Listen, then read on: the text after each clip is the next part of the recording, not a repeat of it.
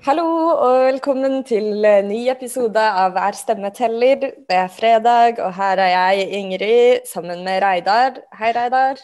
Hei, Ingrid. Hvor befinner du deg i verden akkurat nå?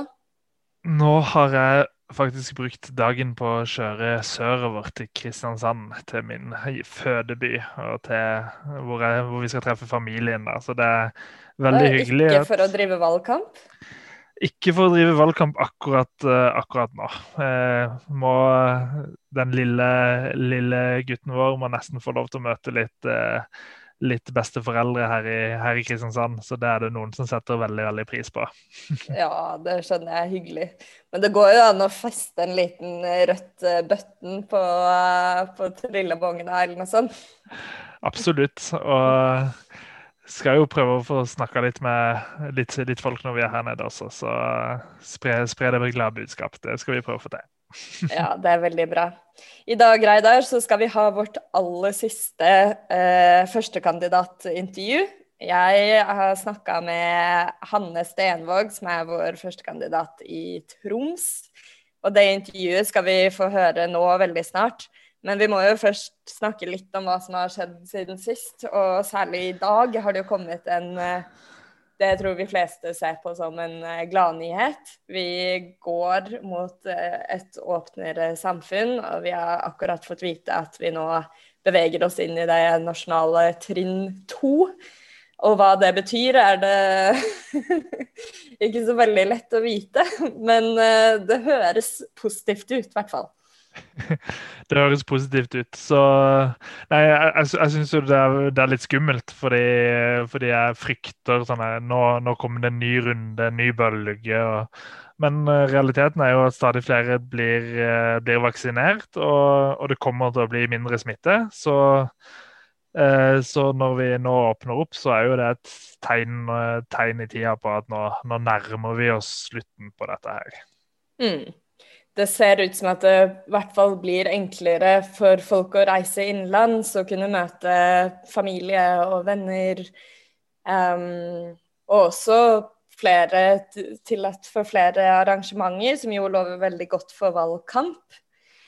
Absolutt.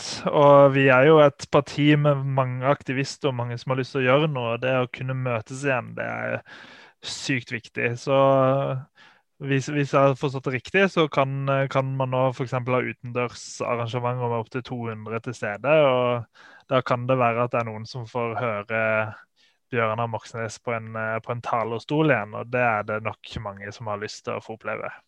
Mm. Ja, det hadde vært helt supert.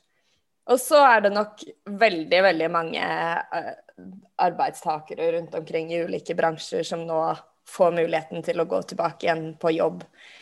Eh, og vi har jo fått lettelser i, i, Oslo også, som nå både åpner opp for mer kulturliv, eh, større grad av, eh, i serveringsbransjen, at man kan gå på restauranter og man kan gå på en bar igjen.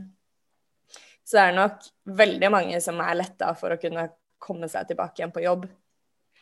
Ja, det er kjempe, kjempeviktig. Det er, det er viktig for, eh, for, eh, folks velvære. Og det er både de som jobber, og de som får lov til å komme tilbake på stamkafeen eller stampuben sin. Det er, det er, for veldig mange er det en viktig del av det sosiale livet som har forsvunnet de siste månedene. og det, det at uh, ting går litt tilbake til det normale igjen, det er kjempeviktig. Mm. Men du Reidar, det er jo flere ting som, eh, som, skjer i verden utenfor våre landegrenser også. Og det jeg tror vi alle sammen sitter og følger med på, er jo hva som skjer i eh, Palestina. Mm. Og det er ganske fæle bilder vi får, eh, vi får se. Det er det. Og det er jo en konflikt som aldri tar slutt. Og eh, det er et eh, land, Israel, som, eh, som, holder på med okkupasjonen av et annet land, og som, eh, som provoserer på en måte som, som, skaper konflikt igjen og igjen og igjen. Og, og, nå har de nok en gang eh, drevet og revet ned palestinske hjem for å bygge opp israelske hjem på, is, eh, på palestinsk grunn. Og eh, de tror at eh, og påstår at det er de som er demokratiet i Midtøsten, som, som, mm. eh, som har lov til å, til å oppføre seg som, som, de vil. da. Eh, så selvfølgelig eh, har gjennom mange år så har, eh, har, det blitt bygd opp en ekstremistisk organisasjon på palestinsk side som svarer militært eh, på en måte som også rammer sivile. Som, men det, det, er, det, er, ikke så mange andre måter man har muligheten til å, til å slåss mot, mot, Israel på når man er i, i Palestina. Mm. Og så slår jo Israel til så det holder tilbake. og eh, hundrevis av mennesker blir jo drept, og, og barn eh, blir eh, drept i fleng. Eh, og de har til og med klart å, å, bombe det som har vært hovedkvarteret til internasjonale medier, som er mm. kjempeproblematisk. Men de styrer på. USA støtter de. Norge har en posisjon i Sikkerhetsrådet nå som ett av 15 medlemmer i Sikkerhetsrådet som virkelig har muligheten til å uttale seg og til å, til å sette agendaen. Eh, mm. Men eh, man er stille. Ja. ja, og forslagene blir blokkert av USA, som du sier.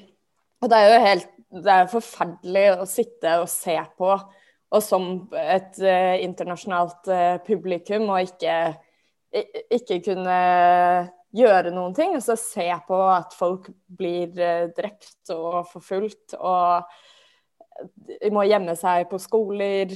Um, og ikke har noen mulighet til å verken forsvare seg eller, eller, bli hørt. Og et av problemene her er jo også hvordan denne konflikten, som du sier, blir fremstilt. At veldig, veldig mye av retorikken vi ser i media, stiller jo opp dette som en likeverdig konflikt på, på like premisser. Noe det på ingen måte er. Det er jo eh, okkupert territorie hvor palestinere har bodd i generasjoner, som nå blir eh, Hvor israelske bosettere kommer inn og regelrett kaster folk ut fra hjemmene sine. Mm. Ja, og det er et land eh, som, eh, som, får forsyninger av våpen fra USA og, og til dels Norge og, og andre land, eh, som blir frakta inn med skip rett inn, og så har de et enormt våpenarsenal. Mens eh, det Hamas holder på med, som, eh, som viser hvordan dette ikke er en likeverdig konflikt, de, må, de bygger tunneler i skjul med, omtrent med, med spiseskjeer. De, de, graver seg ned og bygger disse tunnelene for å frakte materiell som gjør at de kan lage sine egne raketter. Mm. Eh, så, så, det å si at dette er likeverdig eh, konflikt, likeverdig krig, det er det på, på ingen måte ikke. Eh, de har ikke ressursene til å drive krig i, på Gaza. Så det er noe rett og slett noe, noe fislete greier de driver med. og jeg ønsker jo ikke at det skal være en, en væpna konflikt, men, men eh, du har én side der som, som, gjør whatever it takes for å, eh, for å, for å fortsette med agendaen sin med å ta over mer og mer jord eh, som tilhører palestinere. Og det, det, burde jo gått motsatt vei. Det er jo så mye eh, land som er okkupert fra palestinerne, som burde, burde gå tilbake til, til palestinerne. Så mm.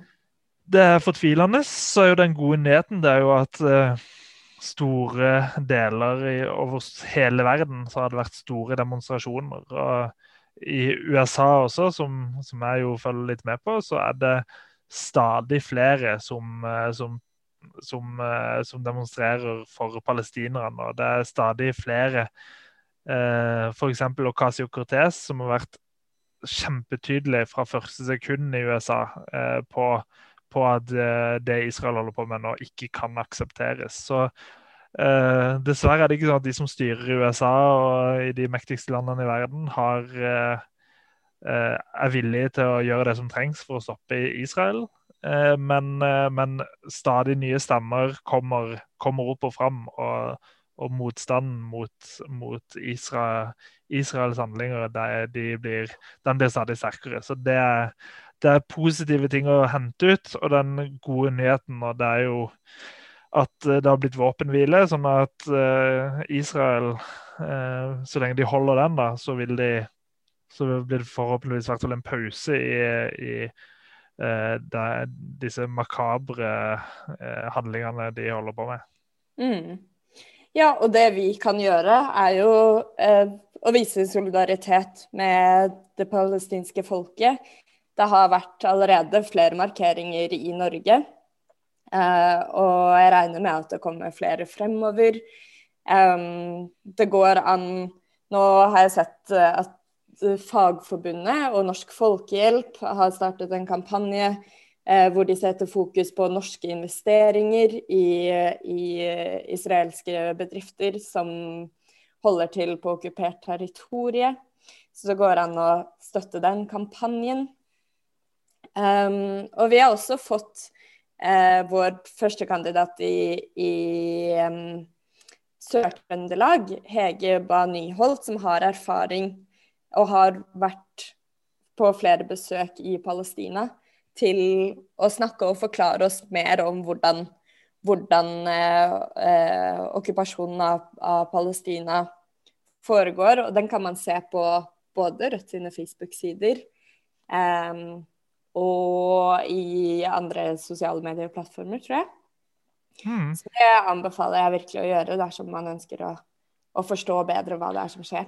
Ja, og Hege har gjort en veldig god jobb også i, som folkevalgt. Eh, i, på fylkestinget i Trøndelag så har hun eh, fått gjennomslag for, eh, for eh, BDS, for boikott, deinvesteringer og sanksjoner mot, mot, Israel. Så at ikke man i Trøndelag eh, fylkeskommune skal gå til innkjøp av noe som helst som, eh, som kommer fra Israel. Så det er mm.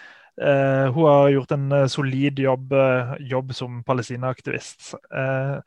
Så går det an å melde seg inn i Palestinakomiteen.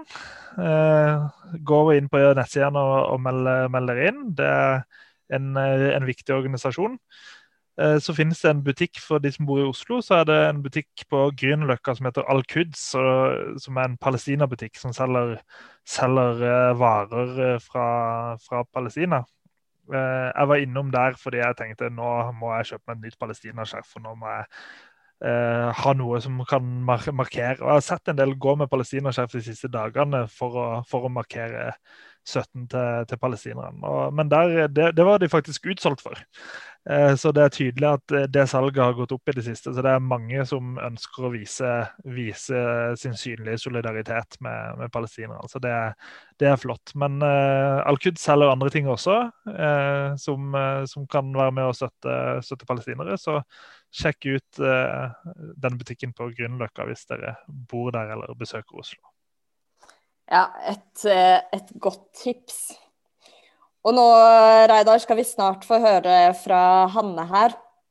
Men vi må jo nesten snakke om en liten ting til. fordi Eh, denne uka så meldte jo vår eh, venn Kjell Ingolf Ropstad i KrF en stor glede over at endelig blir det født flere barn i Norge.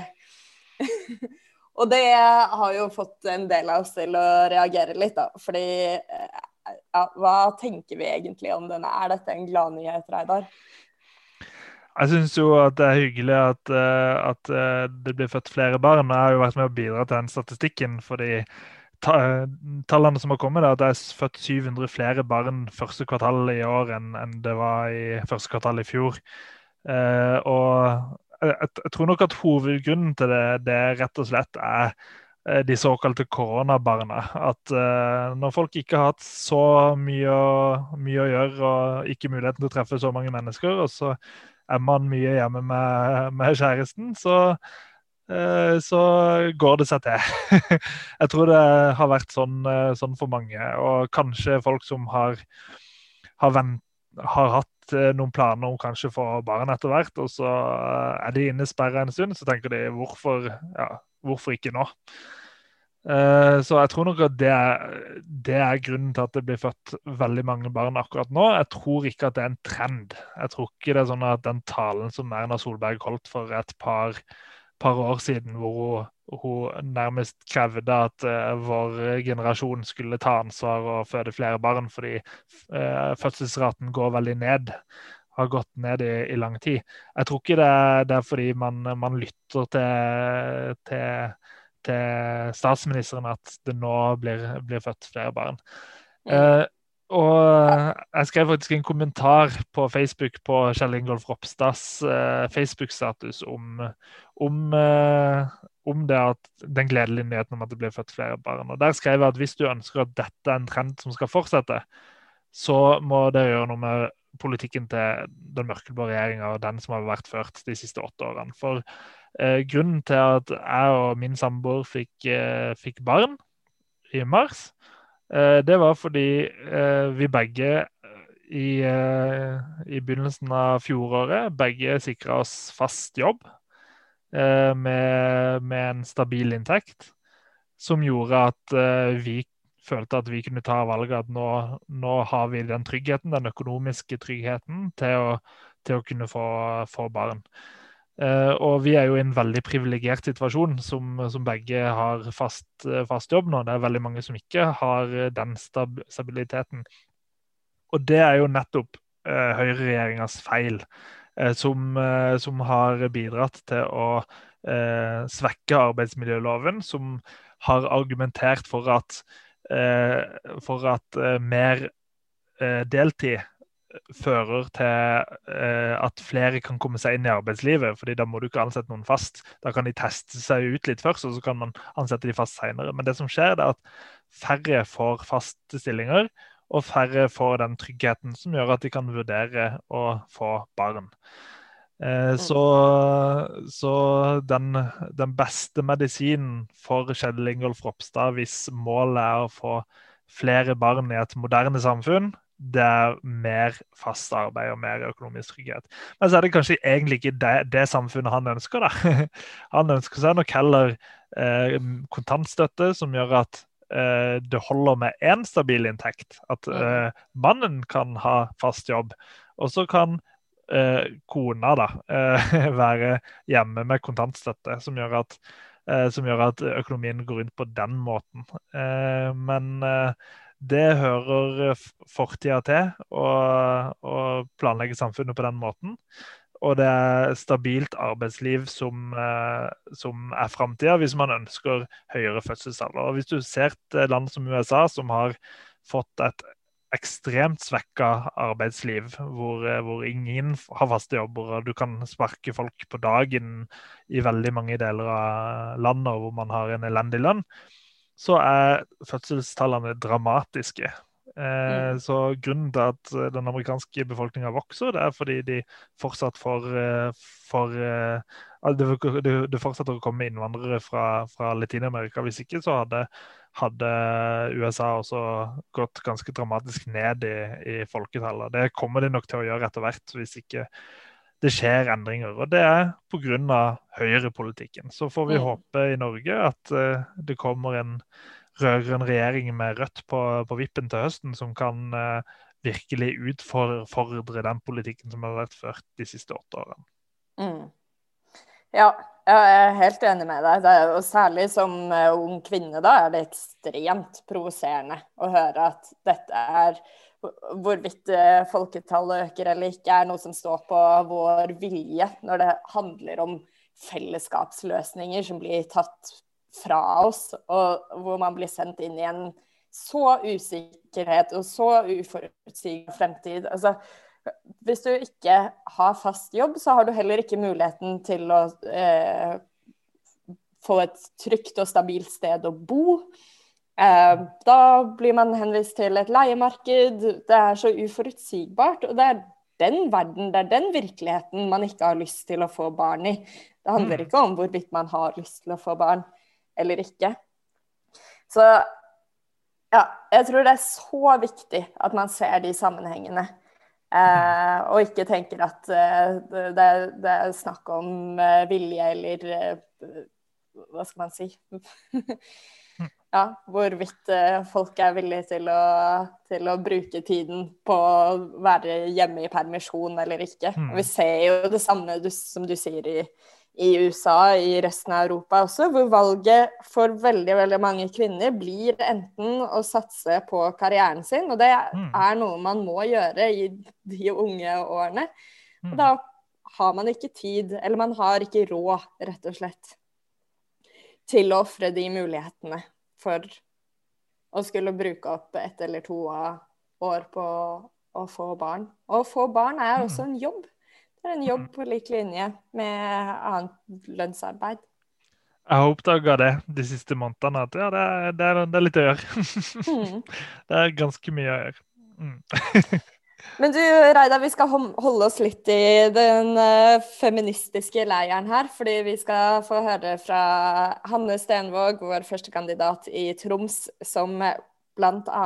er leder for uh, krisesenteret i uh, Troms og omegn, tror jeg det heter. Her kommer intervjuet med Hanne. Da er vi så heldige å ha fått med oss eh, Hanne Stenvåg, førstekandidat eh, for Rødt i Troms, i eh, studioet vårt her i dag. Hei, Hanne. Velkommen. Hei, tusen takk. Så bra at du kunne være med i dag. Nå er jo du siste førstekandidat ut på, på lista vår her. Og vi mm. tenkte at nå må vi jo bli litt bedre kjent med deg. Så jeg lurer på om du, Hanne, aller først kan fortelle oss eh, litt sånn eh, grunnleggende om deg selv? Ja. Eh, du sendte meg jo noen spørsmål, og der sto det f.eks. det med alder. Og det er ganske lett å svare på, fordi at jeg hadde faktisk 50-årsdag i går, av alle ting. Oi, gratulerer. Ja, gratulerer. Det er jo litt, det hører jeg jo et veldig høyt tall, da. Men eh, som mange har sagt, så er det jo bedre å bli 50 enn å ikke bli 50. Så man får bare leve med den alderen man har. Ja, det, er et veldig høyt tall, det syns jeg jo ikke det er. Det er et veldig fint og rundt tall, det er det. ja, det er det jo. Nei, ellers så eh, Så er jeg eh, utdanna teolog. Jeg jobber på krisesenteret i Tromsø. Um, har eh, bodd 30 eh, år i Tromsø, selv om det ikke høres sånn ut. Eh, har eh, tre barn og et bonusbarn. Eh, ja. Og, og, vært med i Rødt i ganske mange år. Men aldri vært førstekandidat før, sånn at det er jo både spennende og litt skummelt. Ja, men ja, vi må snakke litt mer om det. Men kan du fortelle litt om, om veien inn i Rødt? Hvorfor, uh, hvorfor har du blitt uh, Rødt-kandidat av deg?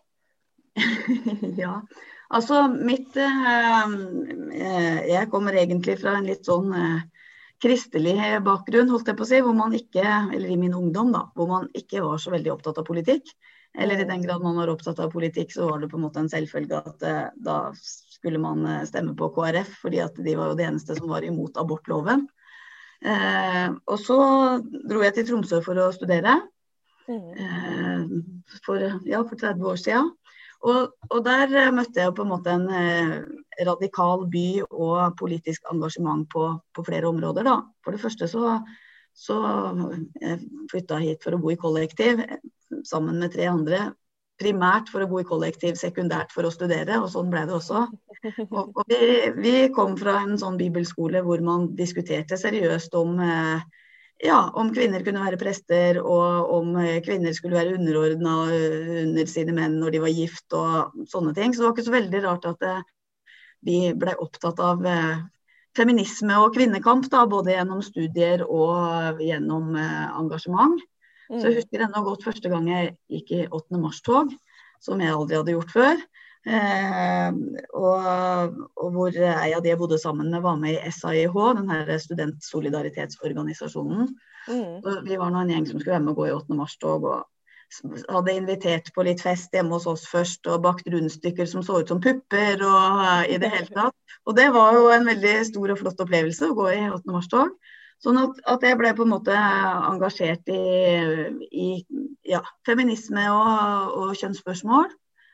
Og så eh, i Tromsø også på begynnelsen av 90-tallet så var det jo en stor ting som skjedde for så vidt både her og resten av landet, nemlig det med kirkeasyl. Mm. Så jeg var leder for et barnekor i kirka her, hvor den første i Elverøy kirke, hvor den første kirkeasyl, eh, det første kirkeasylet i Norge på 90-tallet kom i, i 93.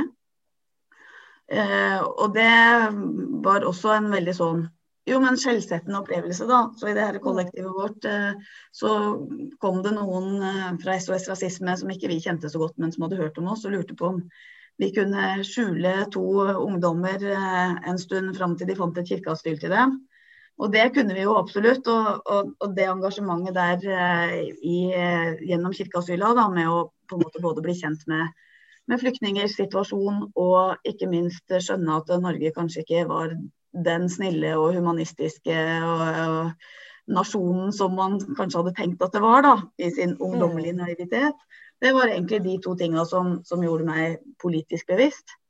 Og så er det jo litt sånn, i hvert fall i Tromsø, med, med Rødt at der hvor det skjer ting og der hvor det er aktivisme, som, som var liksom det som jeg blei eh, Eh, på en måte starta litt opp med, da, og, og, og, bli engasjert i aktivisme. Der var det jo mange Rødt-folk. Mm. Eh, så, så, sånn var egentlig min vei inn i Rødt. da, Og så var det noen som spurte om ja, du skal ikke bli med, eller RV het det jo på den tida da. Du skal ikke bli medlem av RV da, og kanskje du vil stå på lista og Ja, så sa hun ja til det, da. Så, så, så jeg har vært eh, en god del engasjert som eh, lokalpolitiker i Tromsø. Og mm. vært eh, i kommunestyret både ja, litt som vara og i perioder som fast representant.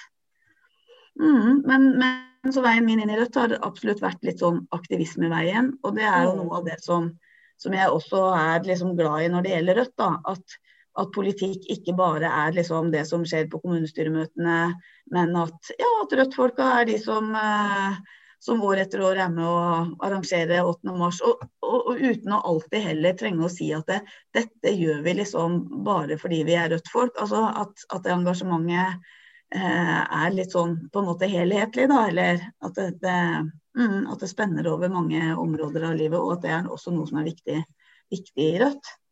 Mm. Så er jo problemet litt da at man ikke alltid har tid til å prioritere bare rødt arbeid, fordi at man har masse aktivisme man må drive med. Men mm. nå driver jeg og prøver å prioritere rødt arbeid, da.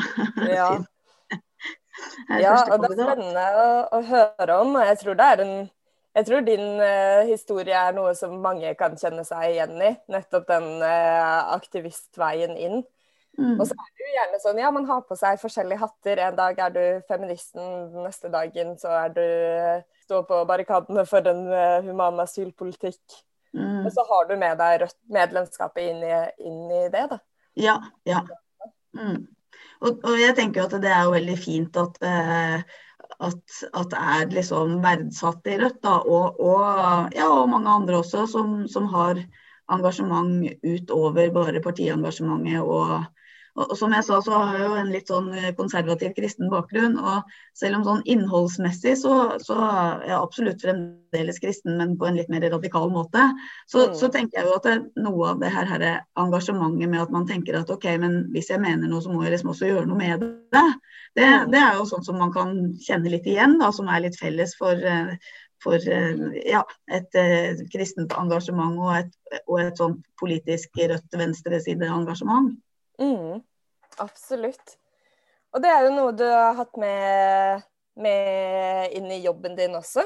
Ja. Du er eh, leder av krisesenteret i Tromsø, er det sånn? Ja, eller det heter Krisesenteret for Tromsø og omegn, da, fordi at det, det, er for Tromsø og åtte andre kommuner. Mm. Eh, ja, nei, eh, krisesenterjobben var liksom Etter å ha vært kvinnepolitisk engasjert i, i, i mange år, så, så, så må jeg si at eh, krisesenterjobben var absolutt en sånn drømmejobb. da. Så jeg var veldig heldig som, som fikk den. Og så tenker jeg jo at det, det å jobbe på krisesenter, det er veldig sånn jo, men en blanding av å jobbe helt konkret med enkeltsaker, og litt som jeg har gjort innenfor flyktningfeltet også, at, at å jobbe med enkeltsaker, det gjør også at du på en måte ser strukturene, og du ser ja, men hva blir konsekvensene da, av de politiske rammene som blir lagt, eller, eller eventuelt ikke lagt. Eller, altså, det får konsekvenser for, for folks liv. Da. Så en blanding av det å kunne jobbe med enkeltsaker og, eh, og, og, og også, men også være med på en måte i en sånn ikke partipolitisk, men en, en, viktig samfunnsmessig debatt som handler om det med, med, vold mot kvinner og vold i nære relasjoner. Så, så jeg er kjempe, kjempeglad for å, for å, ha den jobben. Det er eh, fremdeles min drømmejobb. Mm. Og, og, og jeg absolutt har tatt med meg en god del av det, av det politiske engasjementet, selv om selvfølgelig så er jo jobben noe, noe annet enn bare et politisk engasjement. Da. Men utgangspunktet var jo også litt å kunne kunne jobbe med den type viktige spørsmål også i mm. jobben sin. Ja. ja. ja. det skjønner jeg veldig godt. Det er jo, jeg er helt enig med deg i at krisesentrene er jo kanskje en eh, ofte litt sånn eh, hva skal vi si, oversett eh, institusjon i samfunnet vårt, men som jo er en av de institusjonene som faktisk virkelig er bygd opp av en folkebevegelse da, og en ja. sosial bevegelse. Ja. Og en haug med kvinner som så at dette har vi behov for, dette trenger vi. Og, og, det er kjempe, kjempespennende historie. Om, og, der er det også en litt sånn parallell. holdt jeg på å si, ganske mange, Det var mange også kristne bevegelser som, som, nettopp gjorde det samme. At man så at her trengs det noe i samfunnet som, som vi må bygge opp. Og så har, måte, altså, så har det blitt et felles samfunnsansvar etter hvert. da, Å drive mm. alt fra ja, eller mange ting innenfor, innenfor eh, sosialfeltet. Så, men krisesentrene virkelig, har virkelig en spennende historie. Så hadde jeg hatt litt mer tid i jobbhverdagen, så skulle jeg gjerne ha hatt et lite prosjekt med å intervjue noen, noen, av de som var med å starte opp da, i Tromsø. Vi hadde 40-årsjubileum for to år siden. Mm. Eh, for så vidt samtidig som vi flytta inn i nytt bygg og ble kommunal, så det var litt sånn eh, Eh, ekstrem eh, erfaring å skulle gjøre alt det på en gang. Da. Men, men det, så krisesenteret i Tromsø ble starta opp i 1979. Og det var ganske tidlig. Da hadde man starta opp i Oslo i 1978. Mm. Eh, så, og, det, og, det, var jo et kjempestort engasjement og masse folk som jobba frivillig og osv. Og, så, og så har jo krisesenterbevegelsen hele tida sagt at eh, eller både, både, vist et engasjement, men samtidig sagt at det å jobbe mot uh, vold mot kvinner, det er et samfunns, samfunnsansvar, da. Mm. Og at det bør man egentlig få lønn for å gjøre, og det bør være en ordentlig jobb, og det, bør, det må være et ordentlig tilbud. Og, og, det er klart Der har jo også krisesenter og kvinnebevegelsen oppnådd veldig mye med å sette, sette fokus på dette i samfunnet. Kjempe for ressurser, eh, forskning, eh, statistikk, kunnskap. Både i forhold til forebygging og, og hjelp til utsatte og, og alle disse tinga. Og så og så er det jo litt sånn nå at eh, krisesentrene ja, har blitt en del av, av, eh, av et samfunnsansvar. Og da eh, er det noe med å finne den balansen da, mellom å ta med seg den, den, arven, og også det at det er et felt, et politikkfelt hvor, hvor det fremdeles er veldig mye å gjøre. Mm. Eh, og samtidig har det vært veldig bra også med en sånn type profesjonalisering. Eh, så i hvert fall her hos oss så prøver vi nå både ha med det gamle og også ja, jobbe med det og, gi et godt tilbud, da, og profesjonelt tilbud. Mm. Så, men, jeg, men etter å ha jobba på krisesenteret, så tenker jeg absolutt, og det er også noe hvis, hvis jeg nå skulle være så heldig å havne på Stortinget, som, som jo eh, er en eh, spennende tanke, så tenker jeg jo at det å, å ha med seg litt sånn god kjennskap fra, fra noen felt, sånn som det med ja, krisesenter, vold mot uh, vold i nære relasjoner, hvordan fungerer systemet, så, så, er det absolutt noe som jeg vil ønske å, å jobbe med, da. Mm. Og, og, jeg har nok blitt egentlig negativt overraska eh, i det feltet over hvor mange utfordringer som er igjen, eh, og hvor, hvor mye voldsutsatte står alene, og hvor mye man må, må håndtere på egen hånd. Så mm. jeg tenker at det er mange, mange, ting igjen og mange ting vi som samfunn kunne gjort bedre. Og Ett eksempel er jo dette med jeg holdt noe appell om det på 8. mars, det her med omvendt voldsalarm. Ja. Eh, som, som, jo Skal jeg forklare det litt, holdt jeg på å si? Ja, det er fint. Ja, eh, fordi at til vanlig hvis man eh, er utsatt for vold, så er det ganske lett å få, eller ikke sånn kjempevanskelig å få et beskyttelsestiltak gjennom å ha en sånn voldsalarm som er kobla til politiet. Mm. Men så er det jo mange som har sagt og ønska at eh, det ikke alltid er de voldsutsatte som skal på en måte bære byrden da, med mm. beskyttelsestiltak og, og, hva samfunnet kan gjøre for å, for å hjelpe i den type situasjoner. Sånn at I 2013 så kom det en lov om omvendt voldsalarm som gjør at, at det er mulig eh, å ha en sånn fotlenke som gjør at det er voldsutøver som, som, eh, som skal bære alarm, da, og som har et område hvor man skal holde seg borte fra. og ellers så, Hvis man beveger seg inn i det området, så, så utløses den alarmen. Mm. Eh, og Det er jo en kjempegod intensjon, hvor tanken var å, å legge mer av byrden over på voldsutøver. Men sånn som i Troms politidistrikt, så så kom det faktisk nå eh, etter jul i år den første dommen hvor man eh, tar i bruk omvendt voldsalarm. sånn at det har jo da tatt ja, åtte år eh, hvor man har hatt den muligheten og ikke brukt den. Mm. Eh, og, og jeg også argumenterte i appellen min da, for at, at, man eh, burde kunne ta i bruk omvendt voldsalarm også som et sånt forebyggende tiltak.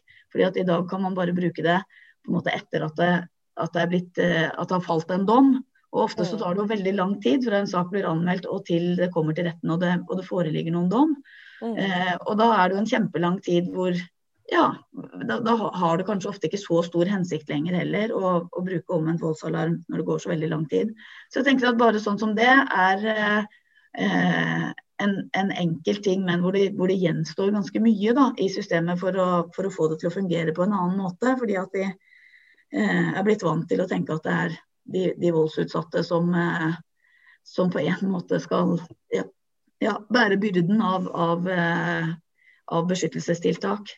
Mm. Hva, hva, tror du det skyldes at, uh, at, det tas i bruk i så liten grad?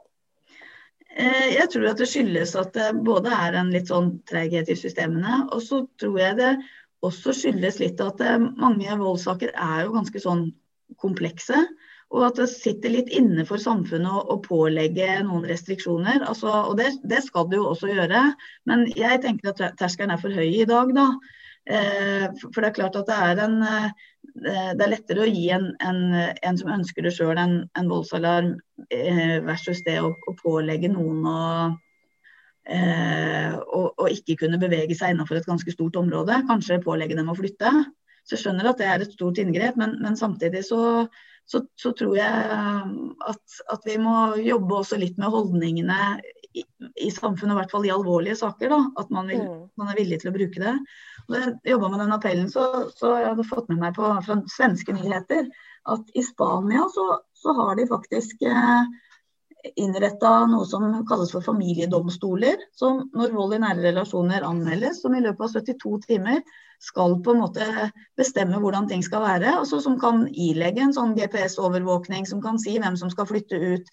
Som si, kan si hvordan det skal være med felles barn i en periode framover. Og hvor det også er lagt opp sånn at, at eh, skal saken til retten, så skal det gå fort. Mm. Og, og, jeg tenker at Ofte er vi flinke til å tenke at men, men, vi i Norge vi har kommet så langt, og vi er opptatt av likestilling og vi har gode systemer. Og, så, så, det ble litt sånn aha-opplevelse for meg å, å, se at det, ja, men kanskje har vi en del igjen å jobbe med på noen felter hvor ja, et land som Spania da, har kommet mye, mye lenger enn oss på det å, å, å faktisk eh, sette fokus på vold i nære relasjoner og, og, og, se at ja, men det er et litt annet felt også innafor, det juridiske holdt jeg på å si, enn en kanskje mange andre saker, som ikke gjør så mye om vente litt.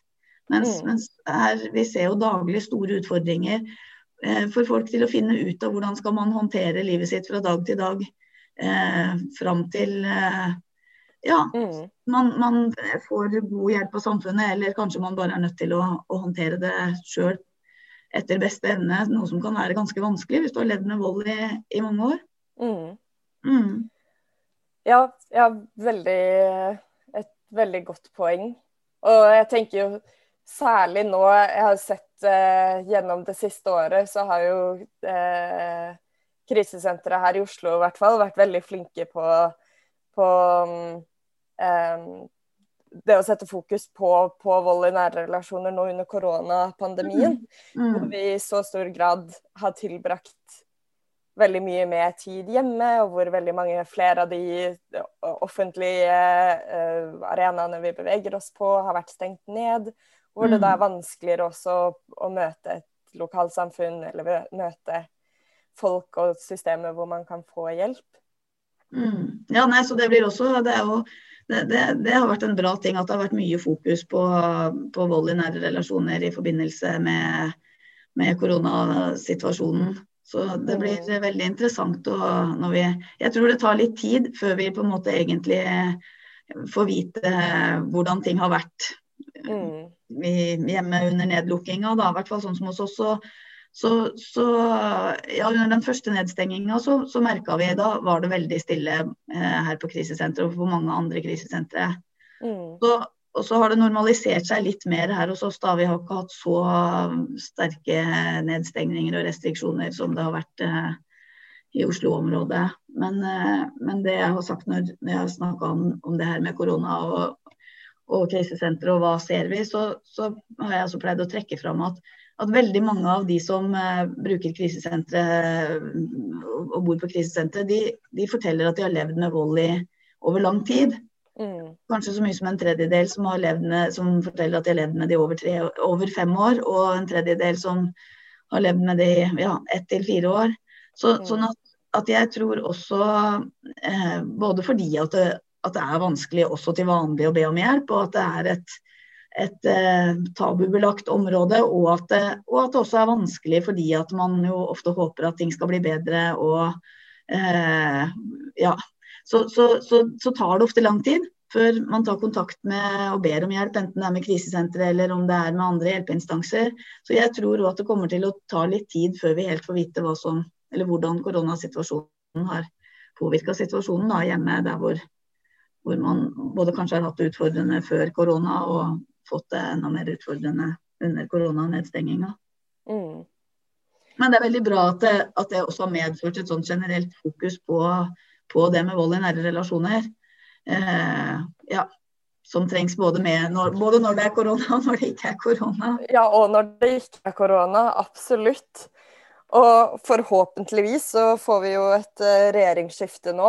Og uh, mest sannsynlig ganske mange Rødt-kandidater på Stortinget. Og i den gruppa hadde jo vært veldig, veldig fint å ha med deg. eh, med den kunnskapen og, og det fokuset. Ja, da, kollegaene mine de er litt stressa for hvordan det skal gå da, hvis jeg er Stortinget. Men jeg har nå lovt å jobbe for krisesentrene og jobber for det med fokus på vold eh, i nære relasjoner og vold mot kvinner, sånn at de har sagt OK, da. ja, det er veldig bra. Ja. Men uh, hvordan er det, da? Hvordan er det å stå som førstekandidat på en stortingsliste? Eh, nei, jeg tenker jo at det, er veldig spennende. Og at jeg er mm. veldig ydmyk og, og, glad for den tilliten å få være på førsteplass. Og ikke minst fordi at det, vi, vi, har jo stilt liste til stortingsvalget mange ganger i Rødt og RV osv. i Troms. Men, men på en måte så har det jo vært litt, eh, litt av rituelle grunner, holdt jeg på å si. Altså fordi at det har jo aldri vært så veldig Det har jo ikke vært noen sjanse til å komme inn. Altså Rødt har ligget langt unna det å kunne komme over sperregrensa og det å skulle komme inn på direkte mandat fra Troms, det, det er nok fremdeles eh, ikke sånn kjempesannsynlig fra Troms, da. Så, sånn at, at, eh, at det, er jo, det, er jo, en veldig spennende og morsom ting. Fordi at for første gang så, så er det liksom en mulighet. Mm. Eh, for at eh, man faktisk kan komme på Stortinget. Og det hadde jo vært sykt kult om eh, Altså, jeg tenker at Det hadde vært utrolig bra om Rødt kom over sperregrensa og man får inn mange kandidater. Og så, når jeg nå prøvd å sette meg inn i de her, her utjevningsmandatsreglene, og de virker som at det er helt umulig å spå noen ting som helst ut ifra, hvis ikke dere, dere, har annen informasjon. Men det betyr jo at OK, men får Rødt en, en, del utjevningsmandater, så kan det jo like gjerne være fra Troms som fra andre valgkretser. Mm. Så, så, så det, det er faktisk veldig jo, men veldig spennende og veldig morsomt. Og så tenker jeg jo at det er litt skummelt å være førstekandidat, fordi at når jeg har vært med i kommunepolitikken f.eks., så har jeg jo ofte eh, har vi ofte vært flere, og jeg har ofte fått være med sammen med gamle ringrever som Jens Ingvold Olsen, og, altså, som jo har fullstendig oversikt over alle politiske saker som har vært behandla i Tromsø kommune, sikkert fra 70-tallet og framover. Så, så, jo, men så da har man jo både noen man kan lære av å støtte seg på, men også få lov til å på en måte eh, ja, jobbe med å snakke om og være opptatt av de sakene som, som jeg tenker at jeg liksom har kunnskap om og brenner for å engasjere meg. Og når man er førstekandidat, så, så må man jo liksom mene noe om veldig mange ting. Mm. Eh, og, og, det tenker jeg at er litt sånn eh, litt skummelt og litt utfordrende. Og så, og så lærer man jo mye underveis, og, og som regel så så altså jeg tenker at vi, vi, som skal være politikere, vi, vi, er jo vanlige folk. holdt jeg på å si. Det er, jo, det er, jo, det som er tanken. At man skal være med å, å bestemme og mene noe ut fra ja, den erfaringa man har og det politiske grunnsynet man har og Rødt sitt program. Og, så, så, så det, er noe, det, er jo bare å hoppe i det. Men, men det er litt sånn skrekkblandet fryd, da. Ja, det skjønner jeg veldig godt. Men samtidig så er vi jo Altså, vi er jo et, et eh, samla parti, og vi er jo ikke alene. Og om det så skulle bli til en stortingsplass, så blir det nok med en eh, god tropp der også. Ja da, og jeg tenker at skulle, skulle jeg havne på Stortinget, så tenker jeg at det, det, Jeg gruer meg ikke så mye for det, det tror jeg hadde vært kjempespennende. Men mm. jeg syns egentlig det er litt sånn skumlere med, med litt den her valgkampbiten. Ja. Og, og, sånn syns jeg det er i lokalpolitikken også, at det, at det, det det koster meg ikke så mye å ta ord i kommunestyret, fordi da kan du på en måte forberede deg, og det er liksom i litt siviliserte former.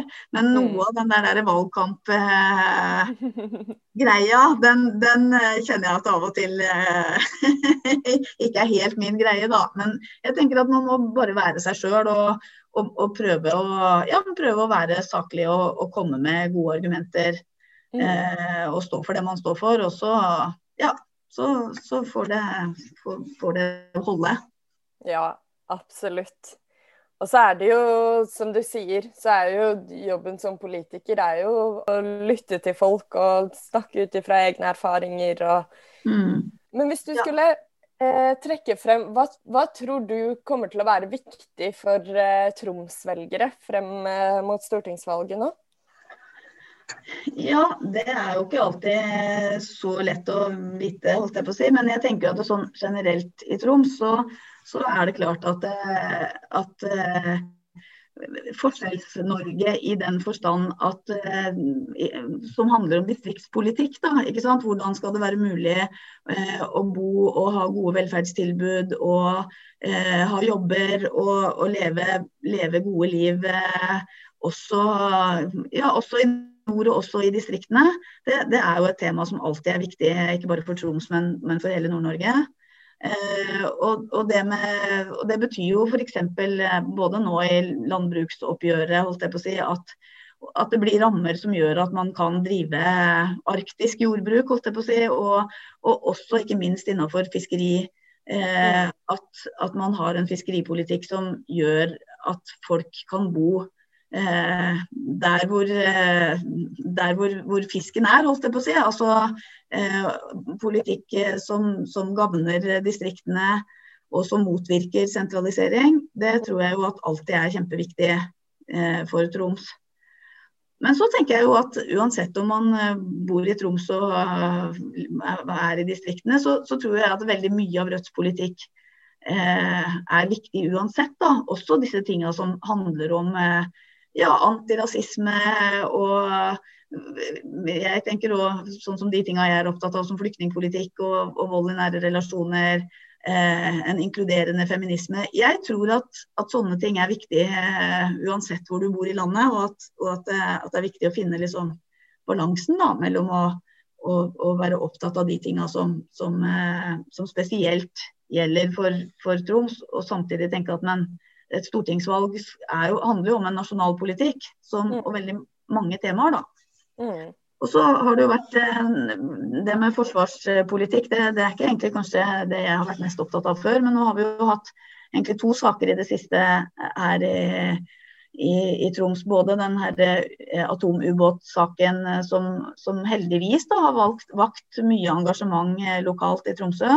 Mm. Hvor vi ikke ønsker å ha amerikanske atomubåter eh, i direkte nærhet til, til, byen, som i verste tilfelle kan, kan, føre til kjempestore konsekvenser. Ikke bare for Tromsø by, men for hele, hele Troms, hvis det skulle skje en ulykke. Mm. Eh, og også disse nye, det de kaller for omforente områder, eller amerikanske baser som, eh, som bl.a. skal opprettes i, i, sør i Troms, da, i Ramsund. Så, mm. Sånn at eh, det tror jeg også er en sak som, som, eh, som mange får litt øynene opp for. da. At, at vi, vi, som bor i nord, eh, vi, vi, står enda mer i på en måte det her, eh, den, den opprustninga eller den, den spenningsøkninga som, som, skjer mellom eh, USA og, og Russland. Og, og, og, vi har ingen interesse av å altså Vi har en interesse av at man, man skal holde det på, holde spenninga på et, et, lavt nivå og ikke eskalere på en måte ensidig opprustning og trusler. Mm. Mm. Egentlig veldig hårreisende å, å se at ikke Eller det burde jo være et lokalt også et lokalt um, ja, Det burde være en lokal medbestemmelsesinstans uh, her, da. Ja, ja. Nei da, og det har det jo vært helt åpenbart at det ikke er. Mm. Eh, ja. Men, men, det som er bra oppi det hele, er jo at det har, har blitt mye, mye, engasjement blant folk. Det har vært masse debatt i avisene, folk som har kommet på folkemøte og stilt spørsmål til forsvarsministeren og, og demonstrert mot anløpene. og ja, og, og, det er jo ikke meninga på en måte å, å, å lage et, eh, et, skremmebilde som ikke er realistisk, men, men, det er jo alvorlige ting som kommer fram når man leser de her eh, risikoanalysene og, og, og ser eh, hva som kan skje, da. Mm. mm. Absolutt. Men hva slags planer har dere da i, i lokallagene og blant Rødte aktivister? nå fremover? Blir det, ja, blir det, det mye valgkamp? Jeg, jeg veit ikke om vi liksom er helt i havn med alle planene, men vi har nå laga ei valgkampgruppe som, som, møtes ukentlig og som diskuterer hva vi kan gjøre og hvilke saker eh, vi kan prøve å ja, skrive om og fremme, fremme i offentligheten. Og så eh, og så er det jo ikke helt lett å vite hvordan valgkampen blir nå i år, med man, hvor mye man kan få lov til å være ute og stå på stand og snakke med folk. Og, så, og vi har ikke kommet oss helt i gang med den her ringinga ennå, men, men, det håper jeg egentlig at vi kan få til. For det høres, det høres også veldig spennende ut. Litt skummelt og mm. litt spennende. Ja, det tror jeg. Altså, man fort, det er skummelt de første gangene, og så kommer man litt uh, inn i det. Men det er jo et veldig godt virkemiddel da, for å nå ut til uh, Særlig der hvor det er lange distanser og store ja. strekninger. Ja, nei, men så jeg håper vi kan, kan få, til, eh, få, til, det. da, Og organisere oss litt og være litt flere sammen, så man kan uh, støtte hverandre i å, i å gjøre det. Mm. Mm. Og ellers så skal vi vel gjøre de gode gamle tinga som å ja, prøve å stå mest mulig på stand. Uh, I hvert fall hvis det kan la seg gjøre etter sommeren. Snakke mm. med folk, diskutere, prøve å å, å være aktivt med i den politiske debatten.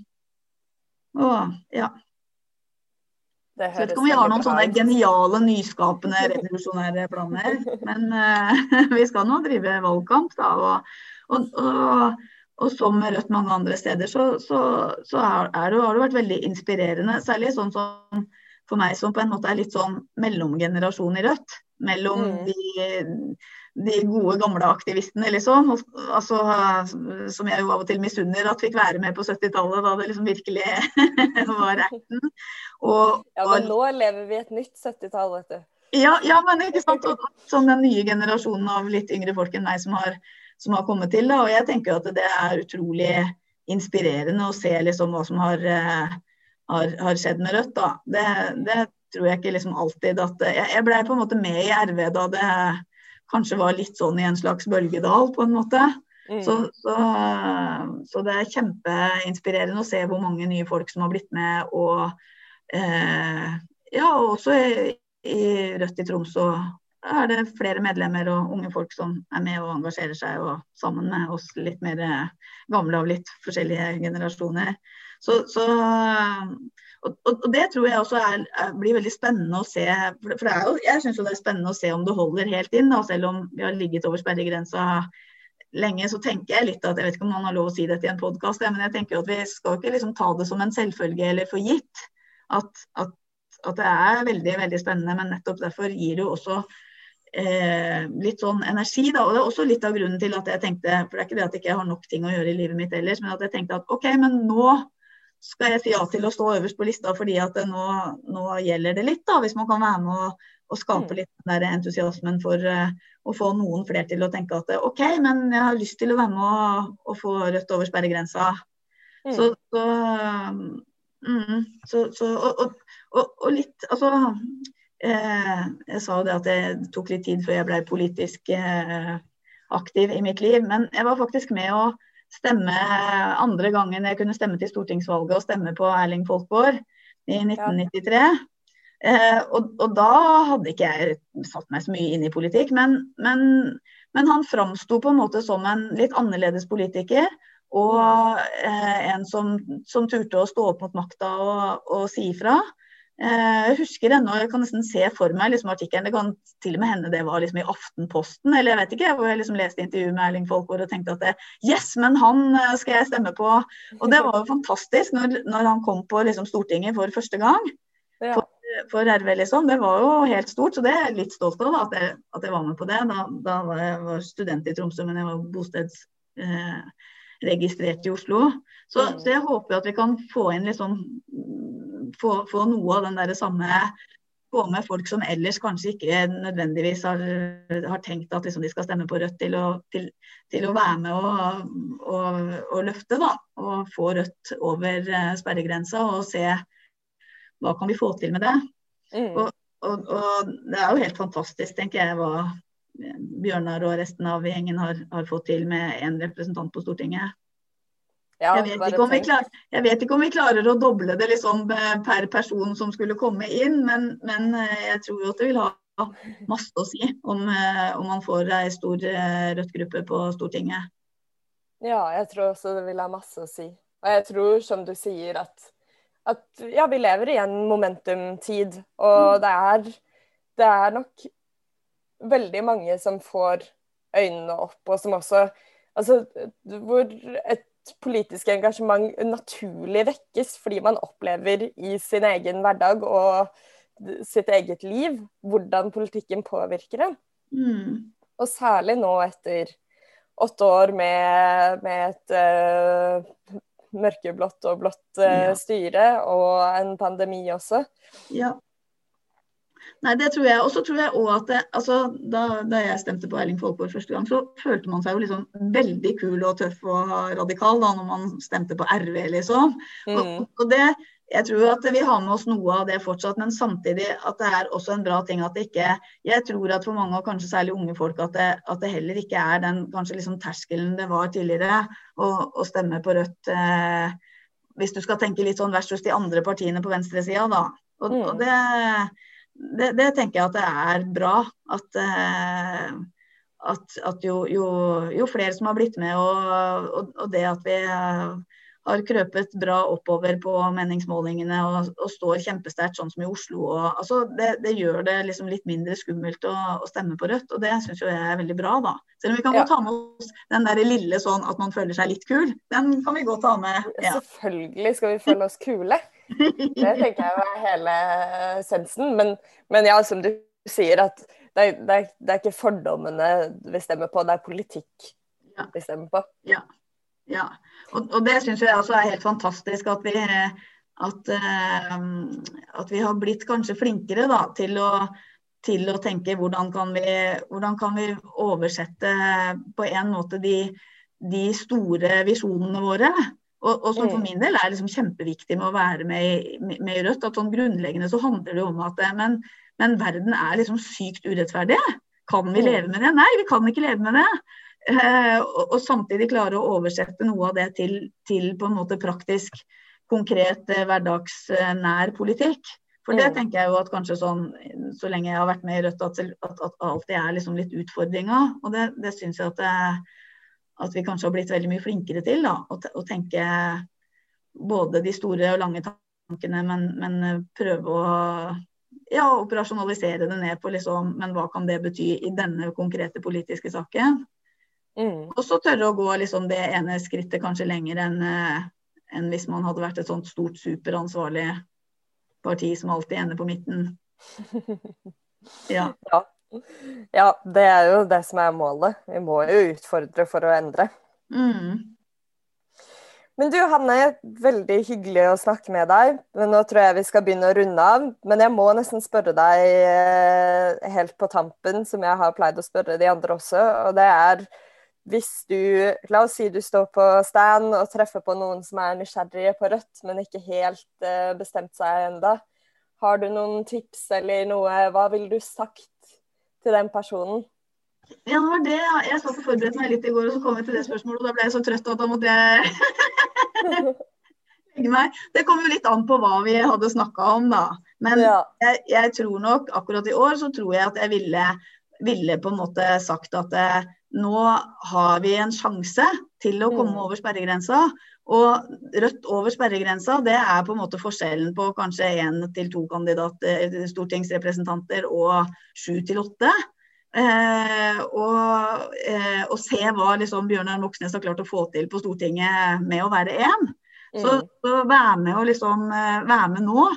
Og eh, kanskje du ikke skal stemme Rødt på i alle valg resten av livet, men nå gjelder det litt, da. Å og være med og, og, og få Rødt over sperregrensa, og så eh, og, og, og se hvordan, hvordan det ville, ville ha betydning, da. Eh, Å Mm. være mange flere. Og, eh, og være med og, og rett og slett eh, være de tydeligste som bidrar til en, en annen kurs eh, i norsk politikk. Og at jeg tror at Rødt på Stortinget kan få til, få til eh, ja, mer enn vi tror. Nå tror vi at vi kan få til ganske mye, da. Men, men så jeg tror at jeg ville sagt noen ting om det. At, og sånn som i Troms, at, at for første gang så, så er det faktisk mulig. Altså Det er ikke en bortkasta stemme lenger, holdt jeg på å si. Man, man må, så, så vær med og, vær med og løft nå. Vær med og, og, og stem på Rødt i år. Et veldig godt råd. Og det gir jo gjenklang i tittelen vår på denne podkasten, som heter 'Hver stemme teller'. Ja. At i år så vil faktisk hver eneste stemme teller i den eh, jakten på sperregrensa. Mm. Mm. ja. Nei, så det blir veldig spennende, da. Men dere må jo ha masse lykke til da, i eh, valgkampen nå fremover. Og så krysser vi fingrene for at eh, vi snart kan gå ut i gatene igjen og drive, drive ansikt-til-ansikt-valgkamp. Mm. Absolutt. Nei, men eh, tusen takk. Og, og veldig bra med dere som driver valgkamp fra sentralt også. Så uh, Ja, Mm. nå starter jo snart uh, Jeg føler jeg sier det hver uke at sånn Nå starter snart den ordentlige innspurten. Men uh, vi er jo allerede i den, faktisk. Vi merker jo det nå. Mm. Så det blir en utrolig spennende tid fremover. Og jeg tror det er bare å holde, å holde giret oppe og virkelig Mm. tenke, tenke valg i alle svinger. Ja, ja, nei, det blir veldig spennende. Og vi krysser fingrene for at det skal gå bra. Yes. OK, men da må du ha en god helg, og tusen takk for praten. Ja, takk i like måte. Det var eh, Hanne Stenvåg i Troms. Og Reidar, hva sier tallene? Hva er eh, Troms sine sjanser for å få inn en kandidat ved høstens valg? Jeg tror at det er fullt mulig at Hanne kan eh, komme inn på utjevningsmandat. Eh, Så er det litt verre å komme inn på direkte mandat. altså at man får nok stemmer i Troms til å få han rett inn på Stortinget.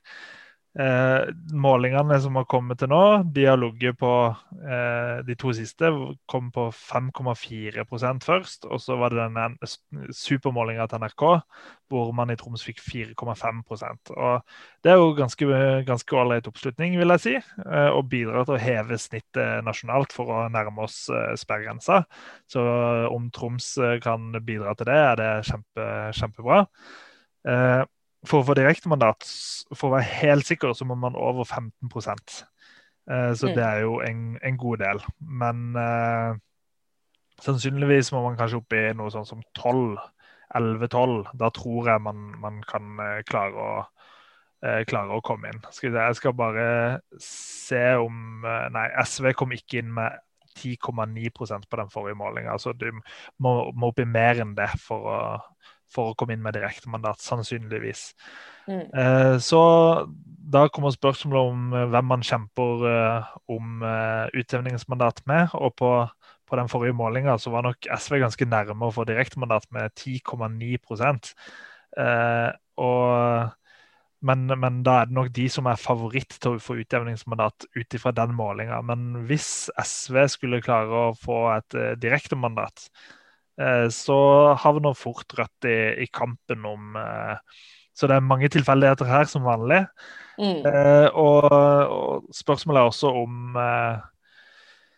om SV får mange andre utjevningsmandater i mange andre eh, fylker. For plutselig så, så, får de det ikke fra Troms likevel, fordi eh, som jeg har sagt mange ganger, utjevningsmandatsystemet er veldig forvirrende så, og sånn, så det er en del tilfeldigheter inne i bildet. Eh, men, men, eh, det er i hvert fall ikke umulig å få utjevningsmandat. Men det, det er litt sånn tilfeldigheter som skal til for, eh, og som skal gå i vår retning, sånn ut ifra sånn oppslutninga er nå. Mm. Så vet vi med Troms og Tromsø da spesielt, at det er en kommune hvor veldig mange av innbyggerne har testa ut å stemme Rødt før. Mm. Eh, så det er ikke sånn at det å stemme Rødt i hvert fall er noe skummelt for folk. I 2015, i kommunevalget, så fikk eh, Rødt 14,5 eh, tror jeg det var, i Tromsø. Det var jo etter en solid valgkamp hvor man hadde mye medgang i, i media og fikk litt, nei, litt, nasjonal oppmerksomhet. og sånn med Jens Ingvald Olsen, som var førstekandidat i, i Tromsø da. Og hvis man klarer å, å, mobilisere noe av den samme energien som, som det året, så, så, nærmer man seg eh, virkelig Kanskje til og med direktemandat, hvis det skulle gå den veien. Men, mm. Eh, men, det var nok et litt spesielt år i, i Troms, det. Eh, så, så eh, jeg tror ikke at vi skal forvente at Hanne skal få den medgangen. Det er mye tilfeldigheter som skal med også. Men som, som, vi hørte i intervjuet, så er hun en kjempekandidat. Så jeg er sikker på at alle i Troms, alle i Rødt i Troms kommer til å jobbe beinhardt for å få henne inn, og da tror jeg at det er fullt mulig. Så jeg mm. krysser fingrene for at tilfeldighetene vipper, og, vipper henne inn, og at de klarer å gjøre et så solid valg at det ikke er et spørsmål engang. Og her er det jo som i alle andre tilfeller, det er hver stemme som teller til, eh, til sist. Believe it or not. Mm. Og jeg kan, eh, Som et eksempel på at hver stemme teller, så kom det en ny måling fra Bergen denne uka. Eller faktisk to nye målinger. Og i begge målingene så fikk Rødt 4,1 eh, Og da er det da, da, er spørsmålet om uh, Rødt kommer inn eller ikke. Det kommer an på hvordan stemmene fordeler seg på de andre partiene også. Mm. I den ene målinga hvor vi fikk 4,1% så kom Sofie Marhaug inn på Stortinget med 60 stemmers margin. Ja. 60 stemmer. Uh, I den er hårfint. Ja, det er hårfint. Og I den andre målinga så mangla vi godt over 1000. Mm. Jeg husker ikke helt det, det eksakte tallet. Men, men, det viser bare hvor, eh, hvor eh, tett på man kan komme, da. Eh, mm. Og hvor, ja, hvor det noen veldig veldig få stemmer faktisk kan eh, være snakk om hvilken regjering vi har til høsten. Så det eh, det er virkelig sånn at uh, hver eneste, hvert eneste sekund uh, man bruker på valgkamp framover, teller for, uh, for å komme i mål, altså. Det, ja. det, det, kan bli så tett. Det kan bli så close i september mm. hvis ikke man gjør det man, man kan nå, altså. Ja. Jeg anbefaler alle å bruke pinsehelga nå på å i hvert fall snakke med to, to personer som man ikke har snakka om Rødt med tidligere. Eller du kan, eller gjerne begge deler, men gå inn på Rødt sin Facebook-side. Finn en, en, av delingene der som, som du eh, syns var ekstra engasjerende, og del den med dine venner på Facebook. Eh, trykk på deleknappen og del. Fordi det er en synlighet eh, som det, det, det, er ikke så mye jobb, eh, men eh, du får spredt det veldig bra ut til, til veldig mange. Eh, så, så, del noe av budskapet på Facebooken vår som, som du finner masse, masse, bra innhold på. Så gjør det. Det tar deg et minutt, så har du virkelig bidratt denne helga. Og snakk med to venner i tillegg. Ja, og da kan man gå inn i pinsen med god samvittighet. det kan man. Og ta seg, ta seg, litt fri, i hvert fall på, hvert fall på, på pinse, selveste pinseaften. Ja. Ja. Det, det fortjener vi. Ja, men Reidar, da tar vi helga for nå. Og så høres vi igjen i neste uke. Det gjør vi. Ha en god pinse. Ha det godt. ha det.